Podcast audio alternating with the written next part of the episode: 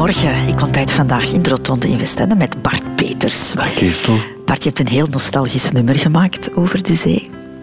IJs aan zee Ja, bedoel je? ja. Wij kwamen altijd aan zee, als kinderen al. Dus met mijn ouders. Toevallig mijn vrouw Anneke, die kwam met haar ouders en haar... Die waren met acht broers en zussen. Die kwamen ook naar Heist aan Zee. We hebben elkaar natuurlijk niet gekend als kind. Ik ben er wel van overtuigd dat in de tijd had je dat gedoe met die kreppapieren bloemen. Ik ben zeker in mijn jeugd in het zak gezet door het genaamde Anneke Belles, die uh, kreppapieren bloemen aan mij heeft verkocht voor te veel schelpjes. Oh. In couteaus, dat heet het hoor. Couteaus, ja. Is de zee nog even groot als toen? Eh, ik heb het niet precies nagemeten. Ik, ik denk op een paar druppels na dat het exact hetzelfde is. Dat, dat geloof ik wel. En de aantrekkingskracht van de zee is nog even groot. Wij hebben eigenlijk ook een appartement in aan Zee. Dus Heist aan Zee is blijven een rol spelen in ons leven. We zijn nu in Westende natuurlijk. Maar goed, dat is allemaal dichtbij en het is allemaal dezelfde sfeer.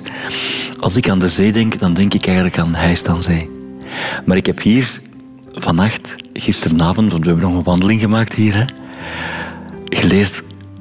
De zee heeft een hele rustgevende invloed op mij. Zoals nu gewoon, wij kijken door een raam en wij zien een prachtig zeezicht en kinderen die aan het skaten zijn en mensen die aan het joggen zijn op deze vroege ochtend. Dat alleen al geeft mij rust. Ook al omdat ik niet aan het joggen ben. Radio 2. De Rotonde met Christel van Dijk. Bart Peters, hoe zelfzeker ga jij te werk als je een rotonde oprijdt en daar dan een afslag moet kiezen? Dat hangt er vanaf. Als het de rotonde is aan de Arc de Triomphe in Parijs, dan heb ik voor, zoals alle mensen uit de hele wereld, dat je veel te lang op die rotonde blijft hangen. Dat heeft te maken met het gedrag van de Parijse chauffeurs, die je echt geen kans geven om de rotonde af te gaan. Ehm, ondertussen heb ik, ben ik gewend aan het fenomeen rotonde. En je moet je voorbereiden, daar komt het eigenlijk op neer. Je moet je baanvak kiezen op een rotonde. Is dat ook zo in het echte leven? Ja, maar ik ben ervan overtuigd, die keuzes maken jou. De grote John Lennon heeft ooit gezegd: Het leven is wat je overkomt terwijl je andere plannen maakt. En daar is mijn leven wel een heel goed voorbeeld van. Want de grote Bart Peters heeft ook ooit eens gezegd: Je mag niet denken dat je de CEO bent van je eigen leven, want dat is een illusie. Dat is een totale illusie, ja. Ehm, er gebeuren je altijd dingen. En je werkt die wel een klein beetje in de hand door bijvoorbeeld eh, het avontuur niet uit de weg te gaan. Maar eigenlijk was ik ten eerste opgegroeid voor een bestaan in laag struikgewas. Ik was zeker niet opgegroeid voor een bestaan in de spotlights, absoluut niet. Als er één iemand was bij ons thuis die in de spotlights hoorde te staan, omdat hij daarvoor gebouwd is, dat is mijn broer Stijn, die nu mijn manager is. Dus ik was vroeger schrijver, regisseur. Ik ben ook ik heb Germaanse gestudeerd, ik heb theaterwetenschappen ge- gestudeerd. Dus ik was eigenlijk echt gemaakt om achter de schermen te werken. Maar je hebt je ook nooit zorgen gemaakt over de gevolgen daarvan. Jawel. Want dat heeft jouw vader jou gezegd. Hè? Maak je nooit zorgen over de gevolgen, want dan onderneem je niks meer. Dat klopt, dat is zelfs uiteindelijk mijn levensmotto geworden. Als je bij alles wat je onderneemt je al meteen begint af te vragen, oei, maar wat gaan de reacties zijn en wat gaan de gevolgen zijn, dan doe je niks meer. Je bent een bekend persoon, Bart, en daar hoort een eh, Wikipedia-pagina bij. Hè? Dat Ja. is een recht dat je hebt dan. Hè? En daarin staat eh, onder meer dit te lezen. Bart August Maria Peters, Mortsel, 30 november 1959, is een Vlaamse zanger, drummer, gitarist, presentator en acteur. Peters studeerde Germaanse filologie en theaterwetenschappen in Antwerpen. Ja, dat is een stukje eruit, want jouw Wikipedia-pagina is uiteraard enkele bladzijden lang. Maar het gaat hier vooral over de periode dat jij een bekend eh, gezicht geworden bent. Maar de jaren daarvoor, het rijpingsproces, zal ik maar zeggen. Daarin, eh, of daarover lezen we eigenlijk niks. En Han Koeken heeft ervoor gezorgd dat dat onbreekbare stukje toch ook een plaats krijgt. Bart Peters is geboren te Morsel op 30 november 1959 als eerste in een rij van drie kinderen. Ten huize Peters gaven vader Marcel en moederzus de kinderen allerminst een strenge opvoeding, getuigt zus Kaatje. Ik heb het gevoel dat in ons gezin wel heel veel eh, mocht. Maar allee, het is niet dat er geen opvoeding was of zo, maar we werden wel heel vrijgelaten in eh, creatieve dingen. De Telgen Peters mochten frank en vrij alles doen en over alles praten. Slechts om één ding kon vader Marcel wel uit zijn kram schieten, vertelt broer Stijn. Als we ons uitdrukten in een andere taal dan de standaardtaal, was er een probleem. Dat waren dingen waar die echt, echt boos kon om zijn. En dat is het grapje, hè? dus het ging nooit over de inhoud van wat we zeiden, maar wel over de manier waarop. Het moest in mooie taal zijn. En taal was iets waar Bart al op zeer jonge leeftijd in accelereerde, weet Stijn. Die was op heel jonge leeftijd bijvoorbeeld Shakespeare aan het vertalen. Dat was zesde studiejaar, hè? die was toen 12 jaar. En die historische stukken werden vervolgens opgevoerd in een passende locatie, lacht zus Kaatje. We hadden zo een huis met een grote garage en dan mocht die garage ook helemaal ingericht worden met decors en zo.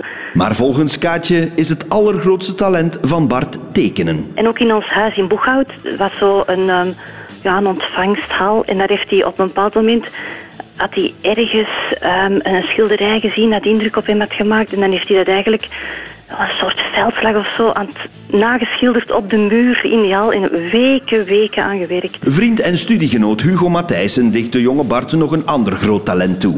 Bart was werkelijk een meesterlijke poppenspeler. En bovendien was dat super grappig. Toch bleek het nog een andere vaardigheid van Bart die hem in contact bracht met Hugo Matthijssen. Ik heb Bart echt leren kennen, ik denk in het jaar 1978, toen wij een popgroep zijn begonnen onder de bezielende leiding van uh, Jan Leijers en Mark Kruithof. En ik heb toen uh, Bart aangebracht als drummer. Een drummer die niet alleen in het oog sprong om zijn kunde van het kloppen, lacht Hugo. Een van zijn meest geliefde kledingstukken, dat was een soort boerenhemd, een wit boerenhemd zonder kraag. En daar dan een boerengilet over, als ik het me goed herinner. En daar dan bijpassende lichtbruine laarzen. Ondanks die dramatische vestimentaire keuze was en blijft Hugo Matthijssen onder de indruk van Bart. Ik denk wat hem vooral typeert en wat nog altijd zo is, dat is dat het een onuitputtelijke bron van scheppingskracht is. En met die scheppingskracht maakte Bart op de UNIF de jeugdmusical Hocus Pocus. Bart komt erover vertellen in een programma van Zaki en dat valt op bij de bazen van de VRT. Ze nodigen hem uit voor een auditie en wordt gekozen als presentator van Electron in 1982. En de rest is history. De zus en de broer. Bij, bij de zus schrok je precies hè, toen je haar hoorde. Nee, ik, ik dacht van, gaan ze nu grappen maken over eh, mijn verleden? Maar het klopt gewoon allemaal. Het klopt gewoon allemaal. Het klopt ook wat Kaatje zei. Dus onze auto, om het nu maar stom te zeggen, die heeft ongeveer onze hele jeugd buiten geslapen. Hè? Omdat we van onze ouders de toelating kregen om van onze garage een theater te maken. En inderdaad, met de kinderen uit de buurt speelden we dan stukken van Shakespeare na. Liefst stukken waarin veel mensen overleden. Ik denk nu aan King Lear. Dus ik speelde dan King Lear, maar mijn broer die speelde wel vijf personages. Maar ja, die, die stierven allemaal in het stuk. Dus dan plakte die snel een andere baard en een andere pruik. En dan kwam weer terug opdagen. Geboren worden is de allereerste afslag in het leven, Bart Peters. En of dat, dat een, een fijn begin is van de rotonde van jouw leven hangt natuurlijk af van de plek en het gezin waarin dat gebeurt. We hebben het er al een beetje over gehad. Jij bent op dat gebied uh, met je gat in de boter gevallen. Hè? Zeker, maar niet vanaf het allereerste moment. Omdat uh, ik was een moeilijke geboorte en dat was in het jaar 59 en toen was het nog de gewoonte als een kind niet makkelijk uit de buik van mama ontsnapte van ik stel het nu wat plastisch voor, maar van een wc-ontstopper op die baby zijn hoofd te zetten en dan te trekken. En het gevolg is, je hebt dan een blauwe berg op je hoofd. Dus ik hoor dat maar van mijn ouders. Dus ik was een baby met nog een extra uh, aantrekkingspoot. Dus er zat een blauwe berg op mijn hoofd. Waardoor mensen die over het, uh, het wiegje leunden, die zeggen dan, oh, wat een sympathieke. Die zeggen nooit, wat een schoon kind. Ah nee, want ik, ik had zo'n rare blauwe smurfenberg op mijn hoofd. Maar voor de rest uh, opgegroeid, je hebt het ooit eens gezegd, in een wolk van liefde. In een wolk van liefde en stimulatie. Want ik denk dat dat ook heel belangrijk is. Wij proberen dat bij onze kinderen ook te doen. Van, als er zich iets voordoet, wat je misschien als ouder niet altijd zelf helemaal begrijpt, van geef het dan een kans. Het meest expliciete dat hoorde ik onlangs nog van mijn moeder. Dus als een kind begint te acteren, um, dan gebeurt dat acteren niet alleen maar in de garage tijdens een kinderopvoering van een stuk van Shakespeare. Ik moet in mijn jeugdjaren ooit mij vereenzelvigd hebben met de glazen kat. En ik had me dan ook geschminkt in de glazen kat en ik zag er, met wat goede wil, ook echt uit als de glazen kaart. En dan zei ons moeder en ons vader, uh, Bartje, komen eten? Ik zei, nee, nou, ik dacht het niet. En dus dan wilde ik alleen maar melk likken uit een bord. Maar dat wel lang aan een stuk, hè. En dan zou je je als ouder toch kunnen zorgen maken, of je zou dat kunnen klasseren onder creativiteit. En dat mocht dan. Tot vanzelf een kind wel zegt van, nu ben ik die melk wel echt kotsbeu. Je bent opgevoed in, in, in heel veel vrijheid, uh, kon heel veel dingen doen. Heb je later last gehad van, uh, om, van, van omgevingen waar structuur wel belangrijk was? Dat, dat viel mee zolang ik in Boeghout naar school ging, omdat ik had altijd het gevoel, in Boeghout heb je vrijheid. Om te beginnen, je ging, je ging met de fiets naar school. Maar dan is er eventjes iets gebeurd ter hoogte van uh, de humaniora. Je had destijds het VSO, het vernieuwd secundair onderwijs, waar je heel veel verschillende richtingen kon kiezen. En dat vonden mijn ouders belangrijk. Ze wilden me ook de kunstrichting uitsturen, maar dat kon alleen in het Piustien Instituut in, op de grens van Wilrijk en Hoboken. Maar dat was, zo je wil, een stadsschool. Destijds was het ook zo dat jongens gescheiden waren van meisjes, wat op zich al heel vreemd is. En daar waren er andere wetten. Je was daar niet cool als je Shakespeare naspeelde in de garage. Je was daar cool als je een brommertje had. En ik volgde toen klassieke gitaarles. Niet cool. Dus, en ik heb me dan in een paar levenskeuzes laten beïnvloeden. Um, ik ben dan maar drummer geworden, want drummer dat was voor jongetjes in Antwerpen toch een macho instrument. En ik was dan drummer van het schoolkoor. Dus, dus bepaalde beslissingen zijn daar wel anders gelopen. En ik wist toen van, met je artistieke kant kan je maar beter niet te koop lopen. Je, je houdt dat maar beter voor jezelf. Mhm. Dus dat, dat was eventjes... En dan een tegenreactie was ook heel vreemd.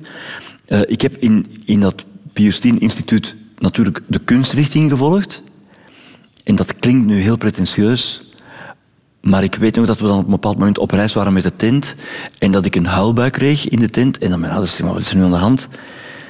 ik zeg, ja, ik besef het ook nu maar bij mezelf, maar ik wil geen kunstopleiding. Want ik wil niet dat een leraar tekenen mij zegt hoe ik moet tekenen. Want ik ben de enige die dat zelf weet. Ik wil niet dat een leraar muziek mij zegt hoe ik moet componeren, want ik ben de enige die dat zelf weet. Ik wil niet dat een leraar theater mij zegt hoe ik moet theater spelen of moet theaterstukken schrijven, want ik ben, ik ben mijn eigen norm. Ik, ik, ik wil doen wat, wat, wat mijn buik, niet alleen mijn hersenen, maar wat mijn buik me ingeeft. Kortom, dan ben ik omgeschakeld uh, naar moderne talen Latijn. Dat kan je eigenlijk in iedere school studeren. Dus ik had net zo goed naar het Sint-Gabriel Instituut kunnen gaan in Boeghout. En het enige wat het dan voor mij haalbaar heeft gemaakt van naar zo'n stadsschool te gaan, is, ik had dan ontdekt, er is een binnenweg van Boeghout over Wilrijk naar Hoboken en dat doe je een half uurtje over met de fiets. En dan was er terug een nieuwe vrijheid in mijn leven vanaf het derde jaar en dan was alles weer opgelost. Radio 2. De Rotonde. Over de afslagen van het leven. Op je zevende, Bart Peters, krijg jij van Sinterklaas een gitaar. Of moet ik zeggen, een gitaartje? Een gitaartje. En het gekke ook met dat kleine gitaartje was, ik begon niet meteen liedjes van de radio na te spelen. Ik maakte meteen eigen liedjes. Ik herinner me nog, mijn eerste liedje was gek genoeg in het Engels. En dat heette Please, I Wanna Live in Peace. dus, grootste poëzie was het niet, maar het paste wel helemaal in de hippiebeweging. Je begint al snel met een groepje, hè? Berry Berry, met Jan Leijers, Mark eh, Kruithof en Hugo Matthijssen. Het grote succes is daar niet gekomen omdat er ook een soort georganiseerde sabotage was, volgens Hugo Matthijssen. Jullie vonden niks goed van elkaar. Dat klopt, dat klopt. Ehm, ik studeerde ondertussen aan de UFSIA in Antwerpen. En daar was er sprake van, dat was er nog niet, een, uh, een partyorkest. Ja, op, op, op, een universiteit was heel veel gefeest. Ehm, en er moest een band komen die al die vuiven kon opluisteren. En ik kende Hugo eigenlijk al van in Boeghout, bij de jeugdvereniging in Boeghout. Um, en die zei, ja, een zekere Jan Leijers en een zekere Mark Kruithof, die willen een band oprichten. En Hugo was dan de gitarist, ik was de drummer. En we waren wel in één ding heel goed. We konden heel goed partymuziek spelen. Dat was trouwens een hele interessante periode, want de police kwam op. Je had de punk, je had de disco, je, je, je kon heel veel tegelijk. Er zijn, dat is ongelooflijk welke ongelooflijke classics er komen uit 1978, 1979, 1980. Dat konden we allemaal spelen. Maar wanneer we eigen muziek probeerden te maken, dan bleken we allemaal zo verschillend te zijn. Om nog te, te zwijgen over, we hadden allemaal een Beatle-complex. En nu moet je eens proberen in volle punk- en disco-periode eigen muziek te maken die geïnspireerd is op de Beatles. Daar kom je niet ver mee in de Cinderella, in de Stadswaag, in de punkkroegen van Antwerpen. Echt niet. Mhm. We gaan, want ja, jouw muziekcarrière is vrij groot, maar het echte grote succes kwam er met de radio's. Ja. En Lucky Day. En dacht je toen van, nu is het allemaal begonnen? De puzzel valt in elkaar? Absoluut, absoluut. Maar die puzzel is ook op een hele gekke manier. Ik had ehm, voor de Nederlandse televisie, want ik was ondertussen doorgebroken in Nederland. Ehm, mensen wuiven aan het, raam. uh, had ik personality shows gedaan voor Veronica. Die waren best succesvol. En ik vond het altijd leuk om mijn vrienden mee te nemen naar Hilversum, naar Beverly Hilversum. En daar maakten we dan muziek. En dan beseften we, ja, als we deze zomer, ik heb het nu over zomer 88, een tour doen in België, maar vooral in Nederland, ja, dan spelen we overal top of the bill in, op al die grote festivals. Dus dat deden we, met vooral covers. Ehm, en dat lukte eigenlijk goed. Maar dan, Jan en Paul stoten natuurlijk door in de wereld met The Way to Your Heart, wat echt een wereldhit werd. Dus dat groepje was niet meer.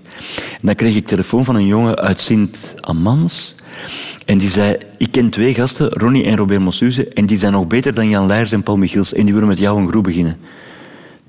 Dit is een bouwde uitspraak. En waar zijn die gasten? Je kan ze vanavond ontmoeten in de Honky Tonk Jazz Club in Dendermonde. Dat klonk mij ook al zo. Ik en Anneke van, we moeten vanavond gaan kijken. De um, Honky Tonk Jazz Club was toe. Dus ze hadden die hadden de sleutel blijkbaar. En in een donker hoekje zaten twee eerder gekleurde gasten. En dat was echt Marvin Gaye en Otis Redding. Of Sam and Dave of zo. Twee ongelooflijke zangers. En ik vroeg me, waarom zouden jullie bereid zijn om met mij een groepje te beginnen? Jullie zijn twee echte soulzangers. En dan was dat van, ja, wij, wij wonen eigenlijk in het Zonnehuis, een, een weeshuis. En jij ze van een tv. Ik doe, deed toen al de Droomfabriek. Als jij nu eens eh, met ons directrice gaat spreken, met juffrouw Annemie, en je zegt, we beginnen een succesvolle groep, die mannen gaan hier niet kunnen blijven wonen, die moeten met hun lief apart gaan wonen. En inderdaad, de Radios was een overnight succes. Dus vanaf de eerste single, vanaf het eerste concert, was dat meteen een heel groot succes. En ik ben erin geslaagd Ronnie en Robert los te weken uit het zonnehuis, uit dat weeshuis. Dat is de enige keer in mijn leven dat ik heb misbruik gemaakt van mijn tv-bekendheid. Wat voor gevoel gaf het Bart om plotseling in de hitlijsten te staan? Dat was zalig. Op die eerste plaat van de radio's, die ik helemaal alleen geschreven had en waar ik ook alle liedzang van deed, dat heeft uh, acht singles opgeleverd. Had acht hitsingles. Dat, dat kan je je nu niet meer voorstellen. Een plaat met acht hitsingles. Ik had er misschien wel een leven aan gewerkt. Hè? Ah ja, dat is je eerste plaat. Dat was ongelooflijk. En bij de tweede plaat waar we iets meer gingen samenwerken, vooral met Ronnie Mossuzen en Danny Rademacher, dat werd zelfs een wereldsucces. Iemand die eigenlijk voorbestemd was voor een bestaan in laag struikgewas, dat was een heel raar besef. Dat je dan plotseling um, het voorprogramma speelt van Brian Adams in Hongarije, dat je in de grootste Franse shows live optreedt, dat je grote concerten mag doen in Duitsland, uh, tot zelfs in Afrika.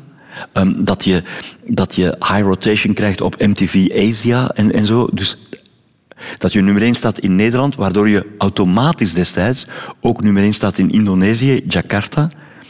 Dat je s'nachts Aziatische interviews moet doen. Het gekste wat er bestaat. Dus dan word je s'nachts wakker gebeld. Hallo. Uh, could I talk to Mr. Peters? En dan is het, Mr. Peters uh, speaking. No, no. Want dat kan niet. Want in die landen ben je een zo'n superster, dat kan niet dat je meteen zelf opneemt. Ik had dat niet door. Hè. Oh, I put you through. Je, dan moest je drie keer jezelf doorschakelen aan de telefoon. Yes, Mr. Peter speaking. Oh, you radios. You say title. Ik zeg, give me love ah. You say title, Dreaming Wild, ah. You say title, She Goes Nana, ah. En dat waren eigenlijk de interviews. Dat waren de interviews. Ja. De Rotonde. Yeah, yeah, yeah. Radio 2. Bart Peters, je wilde eigenlijk naar Studio Herman Terling gaan, maar dat vonden jouw ouders geen goed idee. En dat heb je dan ook niet gedaan. Nee, maar dat heeft met iets heel geks te maken. Mijn vader was van de eerste generatie Studio samen met Dora van der Groen en Julien Schoenaerts, de papa van Matthias Schoenaerts. En mijn vader is lang en heel succesvol acteur geweest, tot hij mijn moeder leerde kennen, mensen van leer, die nogal in leer zijn ze nogal opzichtig. Hè? En die vonden acteurs eigenlijk, ik geloof dat daar een woord voor bestond, ballerina-wassers. Dat, acteurs waren niet in staat om een betrouwbaar gezin te stichten. Dus van zijn schoonouders mocht mijn vader geen acteur zijn. Maar jij hebt dat gewoon aanvaard. Ze zeiden, we vinden dat geen goed idee, Bart. En jij zegt, oké, ik ga Germaanse doen. Ja, maar mijn vader had er ook een theorie over die zegt van als acteur of als artiest word je geboren. Niemand kan iemand leren om artiest te zijn.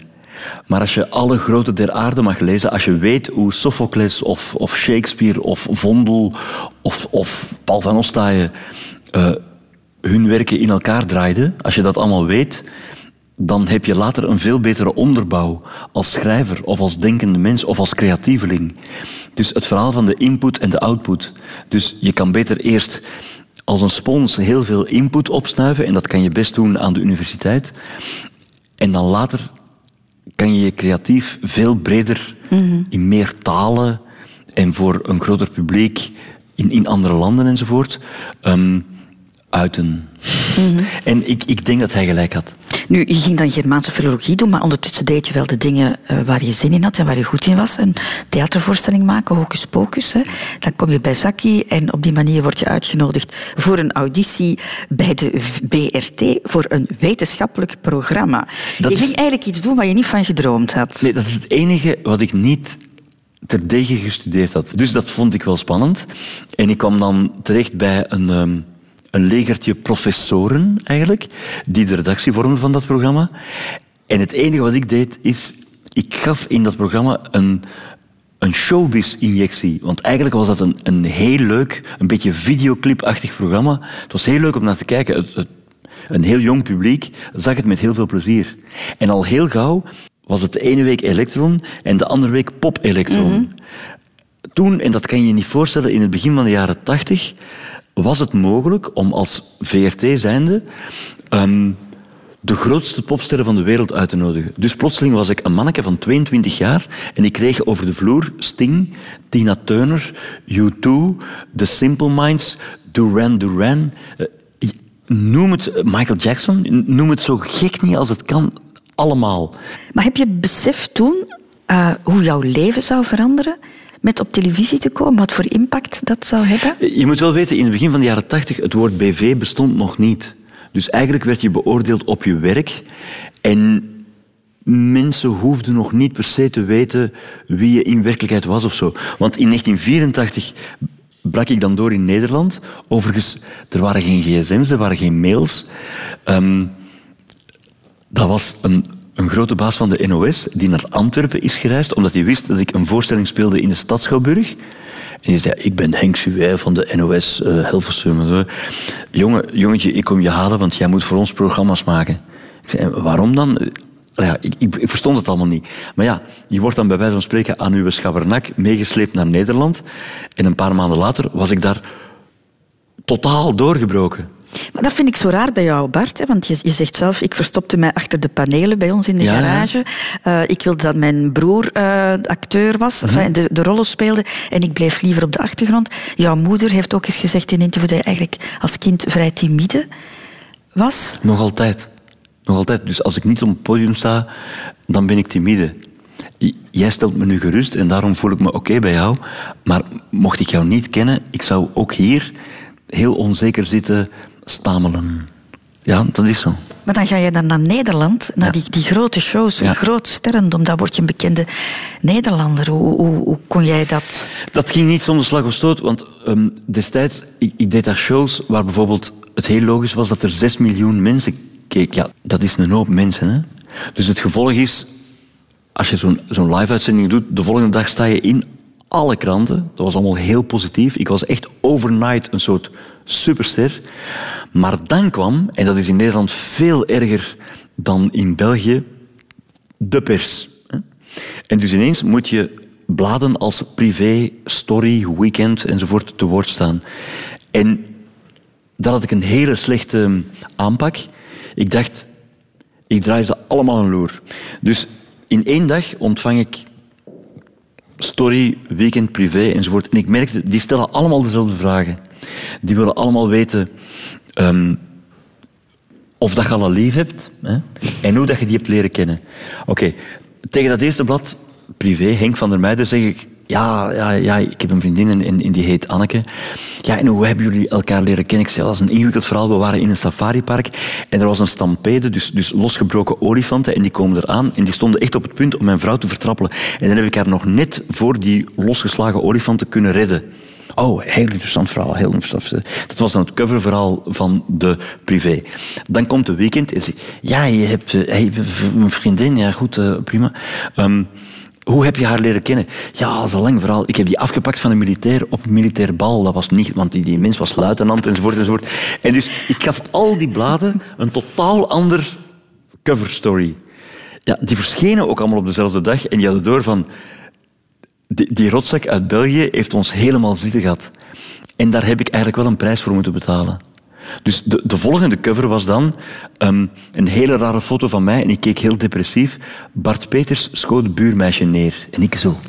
Ik, ik wandel door Amsterdam en ik zie in al die krantenstalletjes dat ik heb mijn buurmeisje neergeschoten. Ik zo, maar ik weet van niks.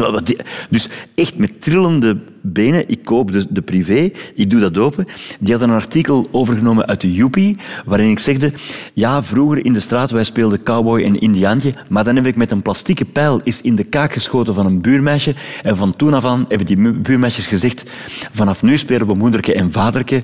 En zo heb ik de romantiek ontdekt. Dus dat was het, het letterlijk overgenomen artikel uit Joepie. Dus je, je kon hen ook niks verwijten.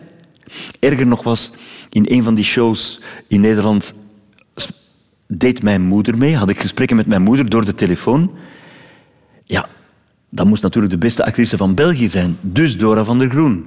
En dat was de Nederlandse pers erachter gekomen dat Dora van der Groen niet mijn echte moeder was. Mijn echte moeder en vader waren komen kijken naar een live-uitzending, maar dat is allemaal, die, die besluipen je, enzovoort, enzovoort. En die zagen mij ook, hé, hey, Moeke Vaken, blij dat jullie in Hilversum zijn, enzovoort. En dan was de titel, Bart Peters schaamt zich om dikke moeder. En, en zo bleef dat maar doorgaan, tot ik besefte van, hmm, liegen is toch niet zo verstandig tegenover de pers. Dat, daar heb ik mijn lesje geleerd. Ja. Mm. Hoe ver stond dat personage Bart Peters af van het jongetje dat graag poppentheater speelde? Vrij ver, want in het begin um, verstopte ik mij achter, zeker in Nederland, um, dat was de Bob over mij en over Willy Klaas. Dat is hoe komt het kapsel van Bart Peters of het kapsel van, van Willy Klaas tot stand? Die hebben een loopneus, hè, een snotneus. Die gaan dan met hun hand via hun snotneus zo hun haar in. Dus uh, ik gebruikte echt gezinsverpakkingen gel. Hè. Dat hoorde ook een beetje bij de jaren tachtig. En ik deed ook iets met mascara. Dat had ik gezien van Iggy Pop en van um, Robert Smith en zo van The Cure. Dus eigenlijk als je, als je mascara aan je ogen doet en je haar pokkenvol gel en je draagt van die rare pakken en zo, dan ben je een personage. Ik was er ook van overtuigd van, als ik er op tv anders uitzie dan in het ware leven, dan word ik op straat niet herkend. Maar dat werkte maar heel kort. Ik bedoel, uh, zoveel verschil maakt dat niet, wat Shell en wat mascara. dus, dus ik kon in Nederland echt niet meer op straat komen. Is dat de reden dat je gestopt bent daar, dat je de keuze gemaakt hebt om daar weg te gaan? Nee, nee, helemaal niet. De keuze om. Uh, ik, heb, ik heb dat heel lang volgehouden. Ik heb het namelijk volgehouden van 1984 tot 2010. En dan kwam er een periode uh, in 2010 dat ik plotseling voelde: wow, ik moet gaan keuzes maken. Dus tussen in de tijd van de radio's heb ik een tijd vrij afgenomen bij de televisie. Ah, dat kon niet anders, want dat speelde zich in heel veel buitenlanden af. Maar ondertussen, uh, begin jaren 2000, begon mijn Nederlandstalige muziekcarrière heel erg te boomen. Maar dus, dan moet u voorstellen, je hebt een gezin met drie kinderen en je wil een goede vader zijn, Je hebt een muziekcarrière die zich afspeelt in België, Nederland en dan soms andere landen, maar die zijn wel ver. Voor een optreden in Marokko ben je wel drie, vier dagen van huis. Dan heb je een full-blown Vlaamse televisiecarrière en dan een hele zware Nederlandse televisiecarrière. Je hoort het zo, daar klopt iets niet. Dus ik moest, ik moest keuzes gaan maken. En dan in 2003 is me dat voor het eerst gedaagd. Dat heeft een hele tijd geduurd. En dan pas in 2010 heb ik beslist op mijn vijftigste. Ja, dat Nederland-verhaal is er te veel aan. Je stopt daar eigenlijk op een, op een hoogtepunt. Op een moment dat je van alles dat nog kon doen. Hè. De grote televisiester kon blijven. Ook bij de radio's ben jij op een, op een hoogtepunt gestopt. Ja. Rare keuze toch? Nee, er is in de popmuziek een uitdrukking en dat is to believe your own press. Hè? Dus bijvoorbeeld, als er over een popster dingen geschreven wordt, dan zijn die vaak niet waar. En dus ik was 34 en we speelden in allerlei landen in de wereld. Maar je moet je voorstellen, in Vlaanderen waren de radio's een beetje deel van de meubelen. Hè? Dus iedereen wist dat wij maar gewone jongens Jullie waren. waren een internationaal succes. Maar internationaal moet je je heel anders gedragen. En als je met Extreme en Brian Adams speelt in, in het stadion van Budapest en je komt niet op en je bent van de eerste seconde al een waanzinnige, charismatische popster, dan ga je af. Om nog te zwijgen over in, in het stadion van Dakar of zo voor 40.000 Senegalezen. Je komt op en je straalt iets uit van ik ben hier een popster, dat hou je niet voor mogelijk. Je draagt een leren broek, je, je, je- hebt van die macho poses enzovoort. We begonnen daar ook, Daniel Ademacher en ik, bovenop de PA-toren enzovoort enzovoort. Dus bigger than life. Maar ik geloofde ons eigen spelletje niet meer. Want ondertussen was Anneke thuis ehm, in de laatste fase van het in verwachting zijn van onze tweede dochter Winnie. En ik heb ehm, dan een soort ja, aanval gekregen van efficiency of zo. Ik dacht, je zal het zien. Ik ben in buitenlanden aan het spelen met de radio's en mijn vrouw bevalt gewoon van ons tweede kind. Dat kan ik niet aan. En dan ben ik snel voor de band nog eh, naar huis gevlogen via allerlei tussenstappen. Ik was één dag vroeger thuis dan de band. En dan uiteindelijk heeft Winnie nog veertien dagen op zich laten wachten. Hè. Maar ik had ineens zoiets van... Dat gaat niet. Je, je kan niet tegelijk een vader zijn met op dat moment twee kinderen en dan tegelijk een soort popster die tegenover een publiek, en laat ons eerlijk zijn, een poppubliek, dat is ook in, in zekere mate meisjes die gillen, die gillen. Dat, dat gillen dat was ook verschrikkelijk. Hè? Dus wij wilden hele mooie muziek maken en heel erg mooi in harmony zingen. Maar ze gilden. Ik werd daar gek van. Ik zei, maar wacht even, ik doe hier... Ik niet. Het was vooral Robert, die, die de vrouwenmagneet was. Maar ik doe hier meisjes gillen. Ik ben fucking 34 jaar en vader van twee kinderen. En ik sta hier te shaken in een leren broek. Ik geloof mezelf niet meer. Ik geloof mezelf niet meer. En dan had ik ook wel problemen met... Het is raar van je uit te drukken in een taal waarin je niet droomt, waarin je niet naar de bakker gaat, enzovoort. En dan zeven jaar geen podium meer opgekropen. En dan was er gelukkig het Nederlandstalige lied waar jij aan opgetrokken hebt. Ja, en, en dat vond ik nog wel gerust- geruststellend, dat ik ben niet verslaafd aan podia. Dus ik ben niet verslaafd aan op een podium staan. Dat die, want, want dat heb je ook. Hè. Er zijn mensen die hun, hun levensbestemming ehm, ontlenen aan het krijgen van applaus. Het krijgen aan bewonderd worden op een podium. Dat heb ik helemaal niet. Ik vind... ehm, mijn Nederlandstalig repertoire is ontstaan we waren toen op reis in Frankrijk. En Anneke zei, Bart, kan dat nu? Dat jij in een hoekje daar liedjes aan het maken in het Vlaams? Ik zeg, ja. En dan op een avond was ik zat genoeg, dan waren er vrienden, om zeven van die liedjes te spelen. En iedereen keek zo van, ja, dat is wel schoon. Hij is dan zeer zat erbij. Maar nu beschrijf je gewoon wat er letterlijk is gebeurd. Namelijk, we waren onlangs in Heist. En ons kinderen vroegen, papa, gaat mee op het strand krabben vangen? En ik zei nee, want ik ben een liedje aan het schrijven over een papa die met zijn kinderen op het strand van Heist gaat krabben vangen. Waanzinnige paradox, hè? Waanzinnige paradox. Die zegt, maar Bart, dat is gewoon letterlijk één op één de waarheid. Wie heeft daar in godsnaam boodschap aan? En Hugo Matthijssen, mijn goede vriend, zei ook... Bart, je weet toch, autobiografie, dat is een beginnersziekte. Hè? En inderdaad, het is, later, is later geëvolueerd bij mijn Nederlandstalige liedjes. Want als, als je nu mijn uh, repertoire voor waar zou aannemen, dan ben ik al zeven keer echt heel dramatisch gescheiden geweest. Ah ja, er zijn er ook break-up songs bij en zo. Hè. Dus, dus ondertussen heb ik dat geleerd, dat je evengoed vanuit een ander personage kan schrijven. Maar die eerste plaat die was heel erg autobiografisch. En vooral, niemand van mijn gezin, niemand van mijn vrienden, niemand van mijn familie kon zich voorstellen dat je daarmee naar buiten kon komen. Ik ook niet. Ja, en, en dan werd het een heel groot succes. En, en dan was ik totaal verbaasd. Radio. Radio 2. Over de afslagen van het leven. De Rotonde. De liefde Bart Peters. Kan ik zeggen dat dat een heel belangrijke afslag is? Oeh, ja. Ja. En ook daar overkomt je wat je overkomt, hoewel ik het gevoel heb dat ik mijn liefdesleven toch zelf gemanipuleerd heb. Maar dan moet je je voorstellen, in de jaren 70 had je de punk. Als muzikant toen was het onmogelijk om te dromen van de Beatles. Dat, dat, ging niet. Want die waren in 70 gestopt. Hè. Dus in de tweede helft van de jaren 70 er was niets zo onhip als de Beatles. Dus dat was uitgesloten. Dus ik speelde eigenlijk vooral in punkgroepen um, als drummer. En ik speelde wel klassieke gitaar, maar in huiselijke kring. Maar dan kwam ook nog eens de disco. En ik was een soort tweespaltig iemand. Dus zelf was ik een mislukte punker. Maar mijn droomwereld was de discowereld, die in Boeghout niet bestond. En dan met mijn fiets reed ik rond en dan bleek in het dorpje Weinigem, dat is drie dorpen verder, daar hadden ze discofuiven. Hoge hakken, echte liefde.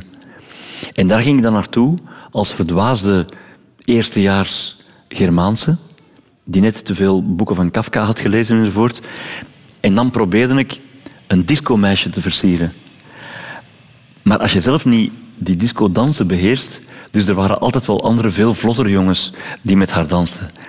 En ik moest dan terug naar huis, ik moest gaan verder studeren voor, voor uh, mijn eerste jaar Germaanse. Want dat was in volle examenperiode. Dus echt zelfzeker op dat gebied was jij niet? Nee, en nog erger, uh, toen ik dan afgestudeerd was, was zij al met haar familie naar Spanje en ging ik met mijn familie naar Joegoslavië. Dus uiteindelijk pas eind van die maand hebben we elkaar ontmoet. En dan heb ik het over het genaamde Anneke Belles. Mm um, waarbij, zeker ook in mijn intellectuele Germaanse kringen, dat weet ik nog. Als Anneke dan... Ik herinner me dan nog, wij zaten in zo'n kelderaula. Hè? En, en er kwamen zo van die disco-hoge hakken voorbij het raam. Hè? En dan keken al die meisjes die Gertrude heten en, en um, staartjes hadden en zo, hè? die keken dan zo heel despising, zo heel... Bah, er komt zo'n platte disco-griet langs. Ik zeg, ja, dat is mijn vriendin. en dat was toen heel chockerend. Ja.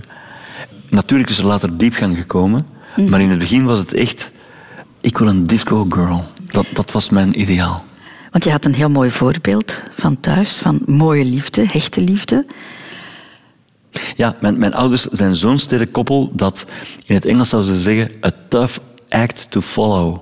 Dus een, een relatie kunnen opbouwen met de kracht, de onweerstaanbare kracht van mijn ouders, dat leek voor al dat leek voor Stijn en voor Kaatje en voor mij een onmogelijke opdracht. En tot onze verbazing zijn zowel mijn zus als mijn broer en ik nog altijd bij hunzelfde partner. Is dat geluk hebben of is dat toch dat je er heel hard je best voor gedaan hebt? Voor, voor mij is liefde geen werkwoord, als je dat bedoelt. Nee, helemaal niet. Maar veel is toeval. Bijvoorbeeld, ons grote geluk is... Het grote geluk tussen Anneke en mij is... We hebben elkaar leren kennen. Ik was 18, zij was 17. Ik had al wel wat leven gehad. Hè? Zij veel meer. zij veel meer. Zij was veel wereldwijzer. Maar ons leven werd nog niet vergiftigd door het publieke bestaan. Dus jullie hebben de tijd gehad om te groeien, met andere woorden? We, stonden al sterk. We stonden al sterk, ja. Jullie waren elf jaar samen en dan trouw jij. Laat, hè? Ja, dat, ja, ja, dat, is... Uh, ja. En dan nog voor de kerk ook, Bart? Ja, ik weet het, ik weet het. Um, ik heb me daar ook lang schuldig over gevoeld. Ehm, Waarover? dat we zo laat getrouwd zijn. Het heeft er eventjes naar uitgekeken dat ons leven zich zou afspelen in de hele wereld. Ik, ik heb bijvoorbeeld in de jaren tachtig ook een programma gemaakt, Pas geverfd het Rode Plein. Dan had je een telebridge tussen Moskou en de Benelux. En ik was dan de Benelux-presentator. Eh, er kwamen mensen uit Rusland, maar dat was destijds... Dat waren marsmannetjes, die mochten hier niet komen. En wij mochten ook niet in Moskou komen. Dus ik maakte dan een programma dat ging over... Kan je in Moskou aan condooms geraken? Heel moeilijk. Heel moeilijk. dat je denkt, ja, maar hoe doen die dat dan? Of, of, of verbroeder met de Moskou Hells Angels de slechtste vodka ter wereld, enzovoort, enzovoort. Maar dus, ik zat in al die buitenlanden, het werd allemaal... Ik dacht, iets 180 miljoen kijkers trouwens, in de USSR. Hè? Ehm, hier 500.000.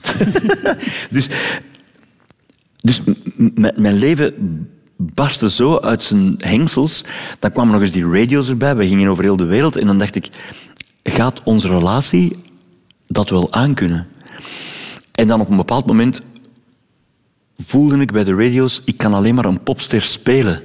Maar ik kan niet de popster glam life leiden. Andere mensen in de band deden dat eerlijk gezegd wel. Want het werd je allemaal op een gouden schaaltje aangeboden. Ehm, en dan dacht ik, hmm, als ik dan toch geen popster kan spelen, dan maar liever trouwen.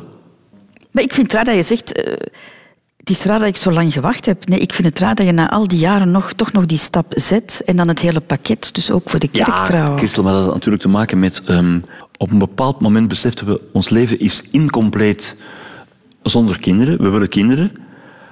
Maar dan ben je beter getrouwd. Dan ben je beter ook officieel een unit.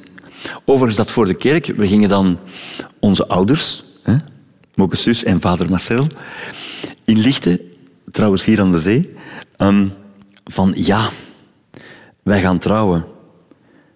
En dan kwam het meer bepaald voor de wet en ons moeder. Voor ons is een huwelijk onbestaande als het niet voor de kerk is. Dus onze ouders hebben ons daar verplicht om ook voor de kerk te trouwen. Kinderen, Bart Peters, dat is een van de keuzes die het meest definitief is. Want die kan je niet terugsturen. Maar jij had een kinderwens vanaf je dertigste pas.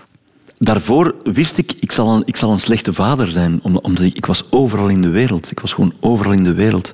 En Anneke ging va- vaak mee. Als ik programma's maakte in Moskou, Anneke ging gewoon mee. Ging, Anneke ging ook mee naar Nederland. Dus we waren een unit. Maar als er kinderen zijn, je, kan die kinderen niet meenemen naar die rare plekken allemaal. Dat gaat niet. Dus, dus we wisten, we gaan ons leven anders inrichten. We willen dan kinderen beginnen. Dat, dat hm, lukte ook meteen. Maar zelfs toen, want natuurlijk in 1992, wanneer Nona is geboren, dat was ook het hoogtepunt van de radio's. En we zaten overal. En dan, ehm, Nona is iets te laat geboren. En dan had je dat, als je achteraf denkt, toch wel rare gesprek van Anneke. ehm, laat ons het inleiden. Hè? Laat ons de geboorte inleiden. Maar dan wel de donderdag. Want de woensdag speel ik in Hamburg en de vrijdag in Groningen. Het is heel goed afgelopen, hè? maar achteraf beschouwd is dat raar. Je zou ook kunnen zeggen, we annuleren het concert in Hamburg. No way. Want ik probeerde overal mijn verantwoordelijkheid te nemen. Als je er nu op terugkijkt, Bart, je bent nu 58. Zou je dat opnieuw doen? Zou je opnieuw een bevalling inleiden om een concert te gaan spelen? Ik ga niet zeggen dat ik nu heiliger geworden ben dan de paus, want dat is niet zo. Alleen mijn leven is beter georganiseerd. Ik heb nu een zo goed management dat die gaan geen optredens aannemen als er zoiets belangrijks gebeurt. Binnenkort is er de huwelijksverjaardag van mijn ouders op het heilige 28 oktober. Mijn vader is overleden, maar voor mijn moeder is het een heel belangrijk moment. En dan worden gewoon door alle mensen die voor mijn management werken, die datum wordt gewoon doorstreept. Je hebt eh, twee dochters. Eh, daarna is er nog een, een, een zoon gekomen, Pablo. Maar daartussenin ben je wel heel erg geconfronteerd met wat er mis kan gaan eh, bij geboorte. is iets wat wij ons eigenlijk bijna niet meer voorstellen of hebben niet, niet meer aan denken, omdat het meestal goed gaat. Ja, En dan plotseling gebeurt er toch iets. Ja, maar dat was heel vreemd, hè? want ehm, in deze tijd, als mensen gaan bevallen, dan laten ze echografieën maken en ze laten dat checken op alle mogelijke manieren. Ehm, Anneke en ik pleiten schuldig, want wij voelden ons expliciet onoverwinnelijk. Wij waren onoverwinnelijk. Wij waren godenkinderen. Dat was zo. Alles wat wij deden lukte, alles. Dus je wordt dan overmoedig. Ik kan niet zeggen dat er bij Nona ooit een, een echografie is gemaakt, hè? of bij Winnie. En, die bevallingen die gingen voorspoedig, dat was gewoon waanzinnig. Echt. Ik was erbij. ik liep in de weg. Uh, ik was erbij. Maar, dus je kan je niet voorstellen dat dat, dat dat zou misgaan. En dan wisten we, het wordt een jongetje. Geweldig, hè? Derde kind, een jongetje. En dan uh, de avond voor de bevalling, de bevalling ging in de vroege ochtend gebeuren, komt er ineens, ik denk zowel een pastoor als nog iemand van de psychologische begeleiding van de kliniek, die komt zeggen, het gaat mislopen volgende ochtend. En ik zo, wat? Wij, die onoverwinnelijk zijn, ons die nooit iets overkomt, hoe het gaat mislopen. Ja, uh, het kind gaat geen uh, ademhalingsfunctie hebben. Um, een heel zwaar geval van muco. Um, dus het kind gaat onlevensvatbaar ter wereld komen. En ik zo, ja, maar doe dat niet. Nee, nee, er is no way back. En daar zijn wij toen enorm van geschrokken. Hadden we dat bijvoorbeeld geweten, ja, dan had je dat, je daar mentaal kunnen op instellen. Maar, maar toen is er wel even psychologisch echt iets gebroken. Bijvoorbeeld, ja, onze onoverwinnelijkheid was doorbroken. Wat ook maar een soort zelfoverschatting was. Hè. Onze zelfoverschatting is, is doorbroken. Um, ik wil dat het ook per se geheim houden. Want ik vond mezelf een clown. En een clown met een dood kindje, dat is een rare clown. Dus ik, ik heb toen ook een tijd niet kunnen functioneren in mijn beroep. Dat was toevallig was dat inplanbaar. Toevallig was dat inplanbaar, dat klopte. Um, en dan daarna hebben we daar nog heel lang over gezwegen. En eigenlijk dat taboe wat ons overkwam en wat heel veel mensen overkomt, en je mag dat ook niet overdrijven. Um, als je iemand verliest die je hebt gekend, waarvan je het karakter kent enzovoort, dan ga je hem veel meer missen dan een kindje dat je eigenlijk nooit gekend hebt. We hebben het wel fysiek in ons armen gehad. Ons kinderen ook, want dat moest van die psycholoog. Um, en eigenlijk is, dat, eigenlijk is dat allemaal maar terug psychologisch rechtgetrokken bij de geboorte van onze Pablo. Toevallig ook een zoon. Mm -hmm. En daar ging dan alles goed mee. Maar dat, is, dat, was, dat was toch al een paar jaar later. Mm -hmm. En dan is, het, dan is het terug goed gekomen. Kan jij verdriet goed delen, Bart? Sommige koppels gaan aan zoiets kapot, hè? Um, laat ons zeggen dat we het, en daar pleit ik schuldig, dat Anneke en ik het op een andere manier beleefden. Ik deed dat liefst stilzwijgend en Anneke deed dat liefst door er zoveel mogelijk over te praten. Het cliché wil dan, je komt er met z'n beiden sterker uit. Dat zeg ik niet. Dat zeg ik niet. Je, je bent gehavend. Je bent gehavend. Maar de geboorte van Pablo heeft daar alles goed gemaakt. Want we hadden eigenlijk een... Onze naïeve wens was drie kinderen. En tof dat er een jongen bij was. Dat moest niet, hè. Dat moest niet, hè. Maar tof. Dus Pablo is daar de gouden oplossing geworden. Ik heb mij wat in jouw leven verdiept, Bart -hmm. Peters. Okay. Ja, en wat mij daarin opvalt, een rode draad, constant, twijfels. Twijfels over de dingen waar je mee bezig bent, heel vaak. Ja, maar ik denk dat dat normaal is. Ik denk zo, hè. Van het moment dat het leven, want talent, dat zijn dingen waarmee je geboren wordt, dat je hele leven een meerkeuzeoptie is, ja, dan ga je twijfelen. Als je gewoon gemaakt bent om, ik zal maar iets zeggen, je wordt geboren met een engelenstemmetje en je bent gemaakt om liedjes die anderen voor je verzonnen hebben te zingen. Ja, dan doe je dat natuurlijk. Als je, als je geboren bent als topspits en je kan en je bent verder niet bepaald een goede hersenchirurg of zo, um, dan word je topspits. Mm -hmm. Maar bij mij hebben altijd de mogelijkheden nogal gênant opengelegen. Ja, maar je stelt jezelf ook in vraag heel regelmatig. Bijvoorbeeld op je 26e, je was presentator van het popprogramma Pop Electron. En plotseling dacht je, nee, dit kan ik niet meer maken. Ja, nog erger hè. Dus in 1985 was popmuziek nog iets dat het eigendom was van jonge mensen. Dat ging over New Order en Einstürzende Neubauten en Nick Cave. En, ehm, het was niet alleen maar de hitparade, het, was, het waren echt de grote jongens. Hè. Maar ja, die, die leken me eigendom van de jeugd. En ik, ik vond het niet kunnen dat je na je 25ste nog popinterviews deed. Dan leek je me zo'n zo'n oude zak die zich nog met jongere zaken ging bezighouden. 26. Ja, dus, en dus de VRT, raar genoeg vroeg, doe er alsjeblieft nog een jaartje bij. Maar het is jou nog een aantal keren overkomen, hè, dat je plotseling dacht van, wat, waar ben ik mee bezig? Je hebt sabbatjaar genomen, 2004. Ja, ja, ja, dat klopt. Dat was in die tijd met dat overexposure probleem. En dan dacht ik, nu even afstand nemen en even proberen de juiste keuzes te maken. Ik heb toen dan beslist van, ik word heel gelukkig van muziek maken. Ik mag in muziek ook met de allerbeste mensen werken. Niet alleen die je in ons eigen land kan vinden, maar ook die je in Marokko kan vinden, die je in Cuba kan vinden, die je in Congo kan vinden, um, in Zuid-Afrika kan vinden. Want ik, ik, ik had altijd maar meer en meer het gevoel, de wereld is een dorp en ik wil met die hele wereld samenwerken. En dat gaat in de muziek expliciet gemakkelijker dan bij de televisie.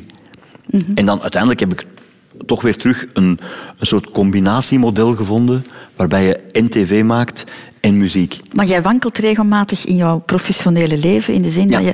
Want, nu doe ik precies alsof je de ene na de andere crisis hebt gehad. Dat is natuurlijk niet zo, maar bijvoorbeeld op je vijftigste heb jij echt een extreme vorm van twijfel gekend. Hè? Ja, maar na dat- die grote televisieshow voor jouw Ja. verjaardag. Ja, maar, maar dat... je moet je dat voorstellen. Dus nu weet ik ondertussen beter. Dus, maar als je 50 wordt, dan denk je, ja, hier stopt alles. Dat, dat, dat denken alle mensen die 50 worden. Om dan achteraf te beseffen, hmm, dat valt nog wel mee. Eh, maar dan kwam er die verrassingsshows. Die, die verrassingsshow was heel speciaal, want het was een echte verrassingsshow. Dus ik dacht dat ik een liedje moest gaan zingen bij Peter van de Veire. En in werkelijkheid was het een show waar dat... Maar werkelijk, iedereen, iedereen was dat, dat, dat- Ik kan het niet beginnen opnoemen, want, want dan zou ik 300 mensen moeten opnoemen. En jij dacht, ik ben bijna dood. Ja, da- dan dacht je, ja, dit is een soort van... Een, een soort van eh, nog net geen begrafenis, maar... maar maar natuurlijk, het, mijn carrière wordt hier, mijn televisiecarrière wordt hier uitgewuifd. Ik was daar totaal van doordrongen. En dan bleek dat nog wel mee te vallen. En daar is dan uit voortgekomen, ik heb dan nog de plaats van de ideale man en de tour van de ideale man afgemaakt. En dan ging ik weer een sabbatjaar nemen. Ehm, maar dat is dan in de muziek eigenlijk drie. Dat is veel hoor, dat, dat je drie jaar stil ligt in de muziek. En dan gek genoeg kwam ik op straat mensen tegen, ja, die mij wel kenden, ik kende Henny. En ze zeiden, zeg, jij gaat toch nog terug Vlaamse liedjes maken, hè? En dat is ongelooflijk bepalend voor de beslissingen. Dus dat, dat mensen op straat die je niet kent, en mensen van allerlei pluimage je aanspreken en zeggen van... Hé, hey, wij missen dat, hè? Maar kan jij verklaren, Bart, waar dat gevoel vandaan komt? Dat in Ja. twijfel trekken? Ja, dat heeft te maken met ehm, de vraag die je eigenlijk iedere dag moet stellen. Ben ik nog relevant? Ondertussen heb ik geleerd... Relevant heeft met twee dingen te maken. Je bent zo goed als die laatste optreden. Daarom geef ik mij niet 100%, maar 1000% bij optredens. En probeer ik, het, probeer ik echt het concert van mijn leven te spelen. Die avond, maar de avond daarna ook. En een andere vorm om je relevantie eh, uit te checken, dat is... Ben ik een revival act of niet? Dus het geweldige is, bij de Brood voor Morgen Vroeg Tour die nu loopt, die ook nog uitgebreid wordt met 50 concerten, om, omdat gewoon alles uitverkocht was, ehm, dat de belangrijkste nummers van die avond zijn liedjes als Tot je weer van me houdt, Brood voor Morgen Vroeg, ehm, hele recente hits. Dus, dus het belangrijkste telkens is het recente werk. Dus dat betekent dat dat re- recente werk op een manier nog altijd ehm, het vroegere werk overstijgt. En dat is de definitie van relevantie. Maar dat moet je zelf heel erg in het oog houden. Hm, Is het ook omdat mensen jou- van jou heel veel verwachten? De verwachting- Goed is niet goed genoeg? De verwachtingen zijn heel hoog. Ja. Ik denk ehm, dat als ik iets te simpel zou doen of, of iets wat niet doorvrocht is, dat mijn echt publiek daar ontgoocheld zou over zijn. Ik, ik, ik zoek altijd nieuwe uitdagingen. Hoe vermoeiend is dat voor jou? Ehm, het is in die zin niet vermoeiend als je maar... Ik, ik moet die uitdagingen niet, niet zoeken, ze komen op mijn pad. Deze maand doe ik ehm, klassieke concerten in de concertzaal van de Single, zes keer, waarbij mijn band is aan- aangevuld met een klassiek koor van 360 mensen. Dat zijn dus concertante klassieke uitvoeringen. Ook een hele andere keuze uit mijn repertoire. Ik lijk ineens een serieuze mens daar. Maar dat is op mijn pad gekomen. Men heeft mij dat voorgesteld. Ja, het leven is wat je overkomt terwijl je andere plannen maakt. De Rotonde. De einduitgang, Bart Peters. Daar Oei, zijn we al. Ja, de allerlaatste afslag die jij moet nemen. Jij gaat dood. Jammer, jammer. ja, maar ja, ja. Wie zegt dat? Allee, Er is, toch geen enkele aanwijzing? Voorlopig nog niet, maar het zal er wel van komen, denk ik. Hè? Ik ben nog maar Of 58. heb jij het eeuwige leven? Nee. Mijn muziek wel. Wat blijft er nog over van de katholieke opvoeding die jij gekregen hebt? Eh, die heeft een knauw gekregen. Die heeft een knauw gekregen. Natuurlijk niet de katholieke waardes, hè? Ehm, die overigens de waardes zijn van ongeveer alle godsdiensten. Er is geen enkele godsdienst die zegt, als je mensen de duivel kan aandoen, doe het dan. Vooral duidelijkheid, ook de islam niet. Hè? Die is ook gebaseerd op liefde. Hè? Ook daar is God liefde. Hè? En doe nooit een ander aan wat je niet wil dat je jezelf wordt aangedaan. Dus de, de, de grote ehm, broeder- en zusterliefde gedachte die achter iedere godsdienst schuilt, die vind ik heel mooi. Maar ik heb bijzonder weinig ehm, vertrouwen, eerlijk gezegd, in de plaatsvervangers van God op aarde. Ik vind dat ook een hele moeilijke deal van er is natuurlijk misbruik geweest in de katholieke kerk op een verschrikkelijke, een verscheurende manier. Dat heeft de zaken niet goed gedaan. Er zijn hele spijtige dingen gebeurd. Agressie in de naam van God. Eh, dat is eerlijk gezegd in de katholieke de kruistochten, dat was hetzelfde als wat IS nu doet. Hè. Eh, exact hetzelfde. Ehm, dus er zijn hele spijtige dingen gebeurd in de naam van God. Alleen, dat is niet in de naam van God. Hè, want er is... Dat is een geheimpje dat ik u nu vertel. Er is niemand in de wereld die rechtstreeks contact heeft met een gsm of met een fax of met weet ik veel wat, met eender welke God. Dus het idee van het hogere, daar geloof ik heel erg in. Ik geloof, ik geloof in de hemel, ik geloof in alles. Geloof je ook in een Ja, ik- ik- soort hiernamaals of, of, of, of toch iets daarna? Ik, be- ik betrapte mezelf op Aretha Franklin, de beste soulzangeres van de wereld, is gestorven. Ik betrapte me toch op de gedachte, die komt dan in de hemel, die komt daar Robert Mossuze tegen van de radio's. En dat dan Robert zegt, dag madame Franklin. Ze zeggen over mij ook dat ik een soulzanger ben. En dan zegt Aretha Franklin, you are boy. Dus dat soort onnozele scènes stel ik mij eigenlijk nogal heel plastisch voor. Terwijl ik daar ook niks van weet natuurlijk. Hè. Er is niemand die weet wat er boven de wolk zich afspeelt. Maar ik geloof in... Ik geloof in het religieuze in het algemeen. En ik geloof in de basisregel van streef naar het goede. Streef naar het goede. Maar dat is de basisregel van alle godsdiensten. Maar de plaatsvervangers van God op aarde hebben er een potje van gemaakt. Maar dat weten we allemaal, dat komt iedere dag in het nieuws. Hou je ook van de rituelen van de kerk, Bart? Ik spreek daar nu maar over, omdat jouw vader is drie jaar geleden hè, gestorven. Ik was op de begrafenis, een kerkelijke begrafenis. En eh, mag ik zeggen dat die begrafenis iets feestelijks had? Dat mag. Eh, omdat mijn vader was ook een feestelijk iemand.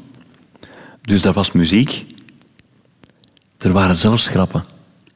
Er waren zelfs grappen op zijn begrafenis. Heel veel grappen, er is heel Ja. erg gelachen. Ja, ja, Mag ik de leukste grap vertellen? ja. Enfin, vond ik toch een van de leukste. Het verhaal van een van de kleinzonen.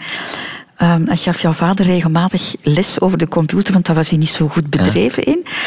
En op een bepaald moment, een moment ontdekte die kleinzoon, ik weet dan niet meer wie het was, op de computer een mapje met allemaal lege Word-documenten in. Ja. Hè? En hij zegt van, eh Vaak Marcel, waarom bewaar jij al die lege documenten in, in dat mapje op de computer? En dan zegt, zei jouw vader, ja, ze moesten maar eens op zijn. Ik vind, de beste grap, ik vind de beste grap die er over mijn vader gemaakt is, over zijn dood, dat is... Dat was best illegaal, maar mijn vader, zijn assen, dat wilde hij ook, dat, dat, dat was zijn wens, werd verstrooid in de neten. En dus wij, met heel de familie, als een soort kapoentjesclub, want dat, mag, dat mocht niet. Je mocht, je mocht niet assen in de neten gooien. Gingen dan eh, aan de vismarkt in Lier voorzichtig aan de neten staan en dan zo rondkijken en dan zo, ja, we gaan vaak Marcel nu in de neten strooien.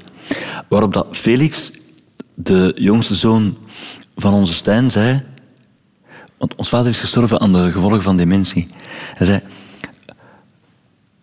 Vaak en Marcel was al eens vaker vergeetachtig en vanmiddag werd hij voor het laatst verstrooid.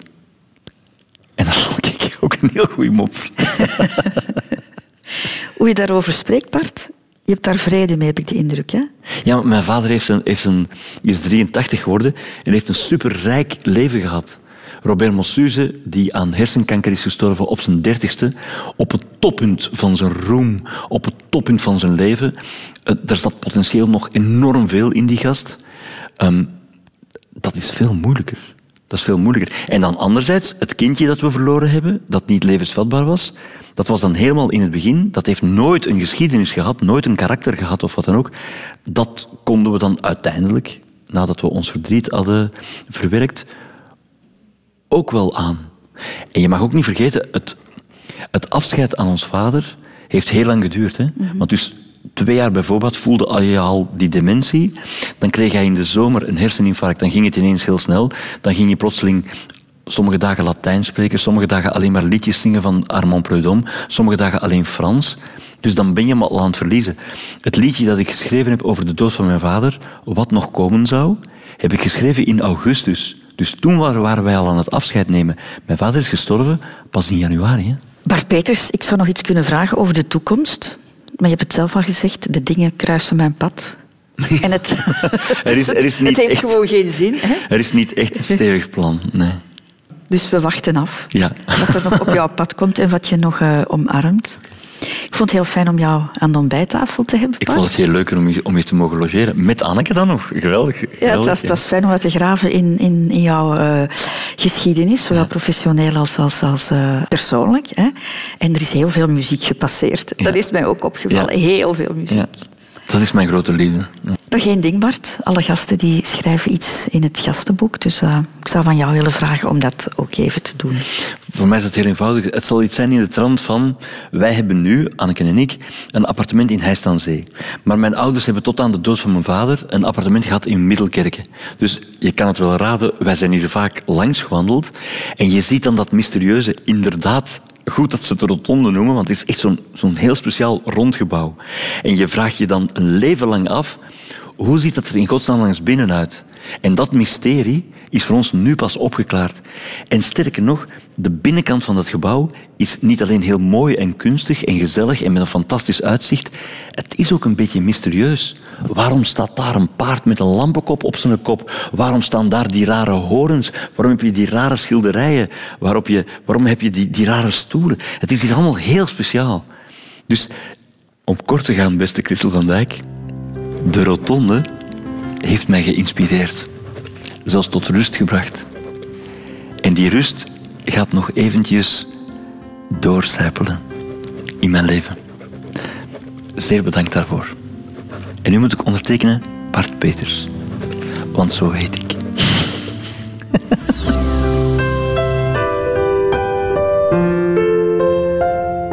Radio 2.